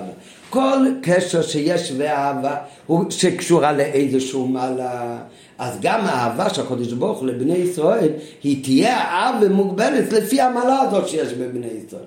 דווקא זה שיש עוד עניין, שהקדוש ברוך הוא בחר בנשומת ישראל בלי שום סיבה, בלי שום uh, טעם. אז זה וזה מבטא תכלס הקשר והאב בין הקודש ברוך לבין בני ישראל. וזה הכוונה שנשמות ישראל הם מושרושים בעצמוס. יש את הנשום אה, שנרגש המעלות של הנשמה. שזה בין עריך לגבי כל דבר אחר. אחר כך יש דרגה יותר גבוהה, שהנשומת ישראל לא מצד המעלה, מצד המציאות שלהם, אלא הקדוש ברוך הוא בחר בנשומת ישראל בלי שום סיבה.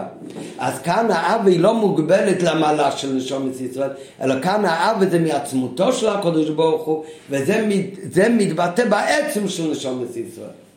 וזה העניין שמתגלה בראש השונה. בראש השונה יהודי מבקש מהקדוש ברוך הוא, יבחר לא נסנח לצאנו, שיתגלה לא רק המעלות של נשומת ישראל, אלא יתגלה הבחיר שהקדוש ברוך הוא בחר בבחיר חופשית, בלי שום טעם ומעלה בנשומת ישראל, וזה העצם של נשומת ישראל. הדאגה הזאת שנשומת ישראל, איך שהם נבחרו על ידי הקודש ברוך הוא, שזה הכוונה במילים אחרות שהם מושרושים בעצמוס, זה הבחיר של הקודש ברוך הוא, שהקודש ברוך הוא מתאחד דבר אחד מנשומת ישראל, זה הרשת, זה הביקורים של נשומת ישראל. וזה מה שמתגלה בראש השנה, לכן הפסוק היום הזה שהאדמו"ר הזקן אומר קורא על ראש השונה הוא קשור למצווה של ביקורים כי ביום הזה מתגלה יבחר לא נסנח לוצינו הדאגה של בחיר עצמוס של הקודש ברוך הוא בנשומת ישראל שזה הביקורים של נשומת ישראל. ועל פי זה הוא מוסיף בעוד י' מובן גם כן עוד עניין. רש"י אומר לפסוק על פי הנ"ל יובן גם מה שמדגיש רש"י בפירושו בדיבר מתחיל מקודם על אותו פסוק על המילים היום הזה הווי אלוהיכך ומצווך אומר רש"י בכל יום יהיו בעיניך חדושים כאילו בו ביום נצטוות עליהם. עכשיו התוכן הזה של פירוש רש"י שיהודי צריך להגיש שתר ומצווה זה כל יום יהיו בעיניך כחדושים ולא כדיוט גם איזה ישונו זה מופיע ברש"י בכמה מקומות בחומש אבל יש הבדל מאוד גדול. בשאר המקומות הכוונה זה שאתה לומד עכשיו תר זה צריך להיות בעיניך כחדושים כאילו היום ניתנו. אתה עושה היום מצווה תפילין, אז אל תגיש שזה משהו ישן, אה, אלא תגיש כאילו היום ניתנו התר והמצווה הזאת. כאן זה חידוש משהו אחר לגמרי. הרי הפסוק על מה מדבר, על איזה מצווה, אומר רש"י, על מצוות ביקורים. הבאת ביקורים מהיום, תשנה לשנה הבאה. אז על המצווה הזאת אומר רש"י, שצריך להיות בכל יום יהיו בעיניך חדושים כאילו בו ביום נצטוות עליהם לא כשאתה מביא ביקורים אתה צריך להגיש במצוות ביקורים כאילו עכשיו קיבלת את החיוב של מצווה של ביקורים אלא כל יום ויום גם ביום שאתה בכלל לא מביא ביקורים. היום אתה לא מביא ביקורים, אתה סתם מוצג, לומד, מניח תפילין. גם היום אתה צריך להגיש כאילו היום ניתנה לך מה? המצווה הזאת של ביקורים. מה הקשר שהמצווה ביקום אתה צריך להגיש כל יום כאילו זה ניתן גם כשאתה עוסק בדברים אחרים? פירוש בכל יום יומנך כחדושים הוא שגם בימים שבהם הבן אדם עוסק במצוות אחרות והוא עוסק בלימוד פשט אחרות בתרא, שלא עם עניינו מצוות ביקורים. גם אז צריך להיות כאילו בו ביום נצטוות עליהם, מה זה עליהם? על מצוות ביקורים. על החוקים האלה ואת המשפטים שלפירוש רש"י, הרי הכבוד הזה למצוות ביקורים. וזה חידוש שיש רק בפסוק הזה שרש"י אומר כל מקרה חדושים. ולחרם, מהו הטעם לכך? באור הוא מעריך אה, יותר להדגיש שבכל המקומות האחרים שרש"י מביא, אז זה באמת הכוונה שאתה עוסק בעניין הזה, תרגיש שזה חדושים. כאן זה פירוש אחר, כאן הכוונה לא משנה במה שאתה עוסק, אתה צריך להרגיש כאילו היום ניתנו החוקים האלה של ביקורים. ולחרם, מה הטעם לכך? שכלולוס התר ומצווה נוגע כל כך לזכר בכל יום את המצווה של ביקורים, ציווי ביקורים. ועד שהציווי של ביקורים צריך להיות חדושים, ולא כחדושים בחוף הדמיין, כפי שמביא רש"י במקום אחר בנגע לתר ומצווה. אבל לפי מה שאמרנו מקודם, זה באמת מובן. כי מה זה עניין הביקורים? הגילוי של עצם הנשומת. ועל פי כל הנ"ל מובן שבאמת העניין של לזכור את מיציס ביקורים זה נוגע בכל יום ויום לעבודה של כל תירומיציס. כל התירומיציס זה הרימקס הפנימיים של היהודי. וכתוב בחסידס כמו בראש השונה שאז זה קבול הצל שלמעלה מככס פנימיים, זה קבול הצל שקשור לעצם הנשום של היהודי, אז מובא אבל שלא מספיק שהוא עומד ביצירות של קבול הצל למעלה מטעם ודס בראש השונה, אלא צריך להוריד את זה אחר כך לעבד בככס פנימיים של כל השונו כולו. ככה הרי גם אה, ידוע שהרבה שבא אומר שכל ראש השנה יהודי צריך לקבל החלטת איבה על כל השנה. מה, מה בזה בראש, כי בראש השונה זה קבלת צל שקשור מעצם הנשומה. זה התבטלות מצד עצם הנשומה שלמעלה מכל הכרחס הגילויים לקודש ברוך הוא. אבל צריך שהעצם הזה הוא יאיר ויאיר גם בכלים של כל הכרחס פנימיים. אז כמו שהעניין של ראשון צריך להעיר אחר כך בכל לשון כולו, אז על דרך זה מובן שבאביידה של כל תירומיציס, במשך כל השונה צריך להיות, בכל יום יהיו ביניך חדוש ממש, כאילו שהמיצה של ביקורים היום ניתנו, שבכל אביידה של תירומיציס, בכרחץ הפנימיים שלך, צריך להיות נרגש בזה הביטל של עצם הנשום של הביקורים שבנשומת. ועל פי כל הנ"ל מובן, בכל העניינים שאדם עוסק, ב... שבהם עוסק האדם, כולל האבדה ששייכת לכוחות פרטים, צריך להיות נרגש הביטול והקבלת עול שמצד עצם הנשום. ועל דרך הידוע בעניין הקבלת עול של ראש השנה, שבא מבחינת הביקורים שבנשום כניסקה לעיל, שיש לקחת הקבלת עול של ראש השנה ולהמשיכה באופן שתאיר גם בכל שאר ימות השנה. כן הוא גם בכל יום, שבכל העניינים שעושה האדם, בכל יום ויום עליו לזכור ולחוש במלוא החיות וההתחדשות את הציווי של ביקורים, הביטול שמצד עצם הנשמה. וכמו שאומר שם הצמח צדק, שבמעמד מביא את דברי התנחומה, שתפילות במקום ביקורים תקנו. מה עניין התפילה? תפילה זה שיהודי מתקשר לשרש שלו. כיוון שתפילה מקשרת את הנשמה שלמטה עם שורש ומקור הנשמה. ולכן נדרשת הקדמה של תפילה לפני לימוד התורה.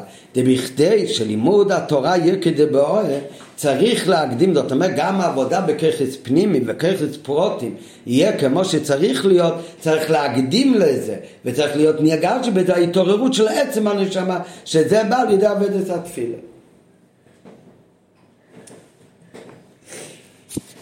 עוד עניין בפירוש רש"י וזה גם קשור קצת לעניין מה שדיברנו מקודם בעניין הבחיר. רש"י אומר, מהי הברכה? הברכה זה שאומרים ליהודי, קיימת מצווה הבאת ביקורים עכשיו, תשנה לשנה הבאה. זה ברכה. ברכה זה גם הבטחה שכך יהיה. להביא ביקורים שנה הבאה זה מצווה.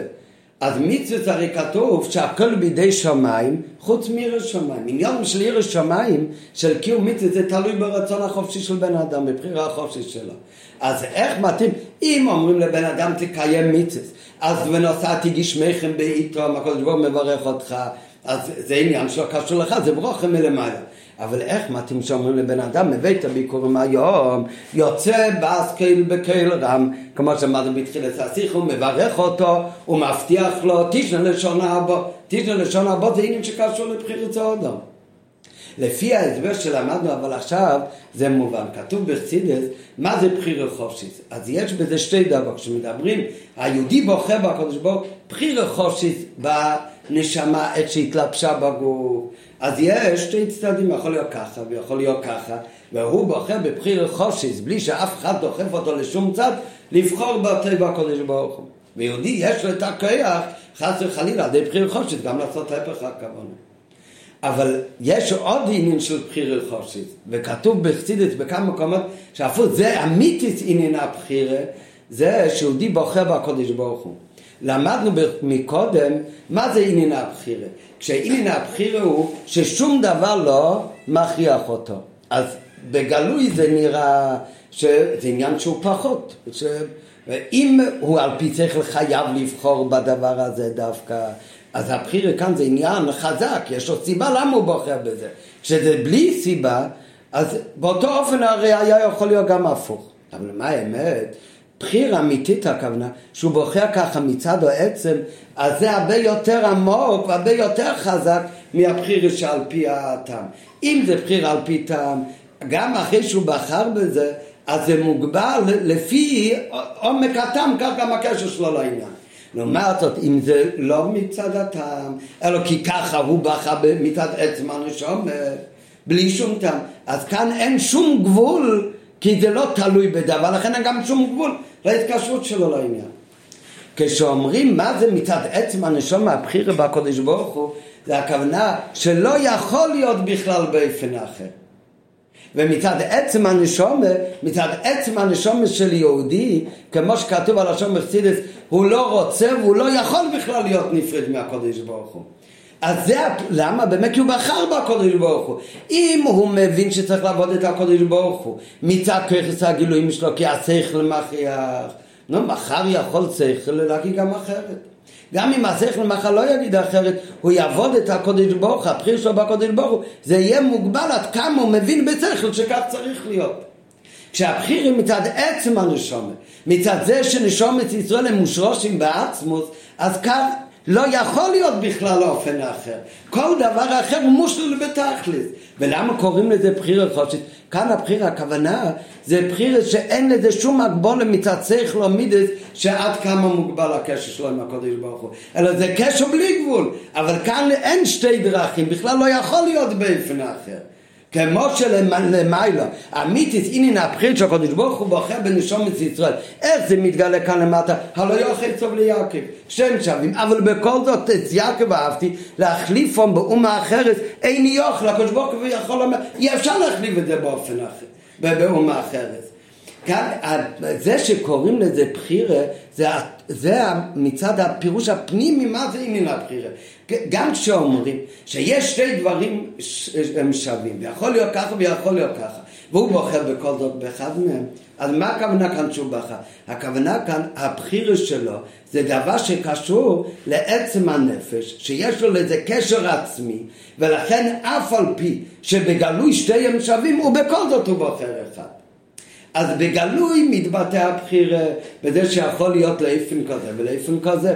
אבל שרש עניין הבחירה מצד נשומת ישראל כמו שמושרשים בעצמוס הכוונה שכמו יבחר לא נצטרך להוצאנו רוצים שהקדוש ברוך הוא יבחר בעם ישראל. מה כאן יבחר בעם ישראל? שיהיה קשר שבני ישראל מושרשים בעצמוס בלי שום טעם וסיבה. למעלה מכל הגילוי. זה קשר עצמי בין הקדוש ברוך הוא לבין בני ישראל זה, זה עניין ארוך, אבל זה על כל פנים נקודת העניין. ולפי זה גם מובן שדווקא במיצוס ביקורים, שמהו התוכן של מיצוס ביקורים? שמתגלה הביקורים של נשומת. מה זה ביקורים של הנשומת? נשומת ישראל, איך שהם מושרושים בעצמות. שמה זה הוויתו ביקורים תשנה, לשון האבו לא יכול להיות באופן אחר. מצד הנשום כמו שנמשכת כאן למטה יכול להיות באופן כזה ויכול להיות באופן כזה והבחיר יכול שזה שיבחר בטב לעומתו בשרש נשום אז שם הבחיר הזה שלגמרי מופרך לא יכול להיות בכלל לפני אחר. עוד הנה בפירוש רש"י המובן על ידי הביופנימי הנ"ל בין הביקורים ברכה שתוכנה הבטחה שייכת רק בעניינים שלא תלויים בבחיר סודו אבל אלתר ומצווה שבהם צריך להיות ובחרת בחיים והכל בידי שמיים חוץ מירי שמיים לכאורה לא שייך הבטחה. ואם כן איך אפשר לומר שבת קול מברך אותו? תשנה לשונה בו. לפי בי הנ"ל שאם ביקורים זה הבחינה של עצם הנשום ממובן מאחר שהברכה נוגעת להתעוררות עצם הנשמה. הנה לא זו בלבד שאין זה סתירה לבחירת האדם, אלא אדרבה, מצד עצם הנשומה, מזה באו בחרתו בחיים באופן שלא יכול להיות אחרת. הרב מציין כאן לשיחות, בחלק ז' יש גם בחלק י"ט, אחר כך שיחה בניצובים, ששם מוסבר העניין הזה יותר באריכות. בסוגריים, הרי מסביר גם איך זה מתבטא בדרך הפשט בגשמי שתשנה לשון האבו, איך זה לא סותר לבחירות של אדם. כי בן אדם, אתם מוצאים בסוגריים, מצד הטבע, יהודי יש לו את הטבע של לא להיות כפוי טבע. הקדוש ברוך הוא מברך את היהודי שיהיה כל כך טוב ששנה הבאה מצד הטבע תהיה חייב תשנה לשון האבו להביא עוד הפעם ביקורים. אז ככה זה בפנים עניין זה מצד עצם הנשומת, לא שייך אחרת. גם מצד הכיכס הגלויים בנשומת, שלא מגיש את עצם הנשומת, אז הקדוש ברוך הוא אומר, ואת הביקום שונה הבו, מצד טבע שלא להיות כפוי טבע, מצד טבע הקורס הטבע, אז מובטח שבאמת שנה הבאה תשנה שונה הבא. גם בדרך הפשט מובן הדבר, שהרי בפשטות תוך נבת הביקורים, זה שאדם מבטא את הודעתו לקדוש ברוך הוא. והדבר בא מצד זה שאינו כפוי טובה כפירש רש"י. ומאחר שהאדם בטבעו אינו כפוי טובה, ממילא בוודאי יוצא להביא ביקורים. כמדובר לעיל, את הביטול שמצד עצם הנשמה, אמרנו מקודם, הביטול שמצד עצם הנשמה, שזה מגלה גם בראש השנה, יש לקשר עם כוחות הפרטים. לכן הרי צריך לזכור את עניין הביקורים. בכל יום ויום בשער הווידה של תרמיצס ולכן גם כן הביקורים של עצם הנשום של ראש השונה צריך לחבר אותו לאבדה של כל השנה. אז גם עניין זה בא לידי ביטוי במצווה של הבאת ביקורים. שהרי הביקורים באים מפירות גשמים ובזה גופה, מאיזה פירות, מהכי טובים והריבים דווקא, בשונה מהמייצר שהוא מכל דוגן. אז זה רק מהפירות שנשתת ארץ ישראל, שמטעם זה גם לא מביא ביקור מתמורים שבהורים. אפילו בשבט המינים גופה צריך להיות מהמובחר שבהם. וגם הביקורים הבאים מפירות אלו, מה עושים איתם? זה לא כמו מה שנשרף על המזבח. מה נעשה עם הביקורים? זה נחל הכהנים. הביקורים האלה נחלים לכהנים. ואיך הם נחלים באופן שיהיה ושמחתו? כלימר, שהבחינה של ביקורים, שמה זה בפנים אצלנו אמרנו מקודם, זה עצם הנשומה של יהודי כמו שהיא מושרשת בעצמוס, שרש ומוקר הנשומה, צריך להמשיך את זה ולקשר את זה, שיתבטא גם באכילה גשמי, דם ובוסר כבשורי, ואכילה בשמחה. שזה צריך להתחבר גם לעבד הגשמי של יהודי. ומאחר שהקדוש ברוך הוא משלם שכר מידו כנגד מידו כניסקה לעיל בתחילת השיחה שזה התכן של מיצוס ביקורים והשכר של ביקורים שהכל הוא באופן של מידו כנגד מידו אז כמו שהיהודי הוא מחבר את העצם הנשום שזה יתגלה ויתחבר גם לעשייה גשמית של יהודי לקדוש ברוך הוא אז גם הקדוש ברוך הוא בשכר את הברכה שהקדוש ברוך הוא נותן תשנה לשון הבא, אז השכר הוא שהעצם הנשום זה השכר אבל שיתגלה גם בגשמיס, שיצמחו אצלו מרשיס. פרס טובים ועריבים ויקוים בו ושמחת בכל הטבע שנוסו לך הווי לקחו ולביציך כמנה כפשוטי בגשמיס וכן גם בנוגע לעבודה של ראש השנה שזה עניין הביקורים כנ"ל שהוא הזכיר שביקורים זה רשיס גם ראש השנה זה רשיס השונה ואז מתגלה רשיס של נשומת ישראל, אז על ידי שיהודי מעורר בתוכו את תנועת הביטל והקבלה סל שמצד עצם הנשומת, זה הביקורים, אז הקדוש ברוך הוא נותן לו עד לגשמיס, קציבה וכסימה טבע, לשנה טובה מתוקה בענייניו הרוחנים, וכן בענייניו הגשמים, לו ולבני ביתו, ובכל המצטרך בבון חיה ומזה נראה ויחד.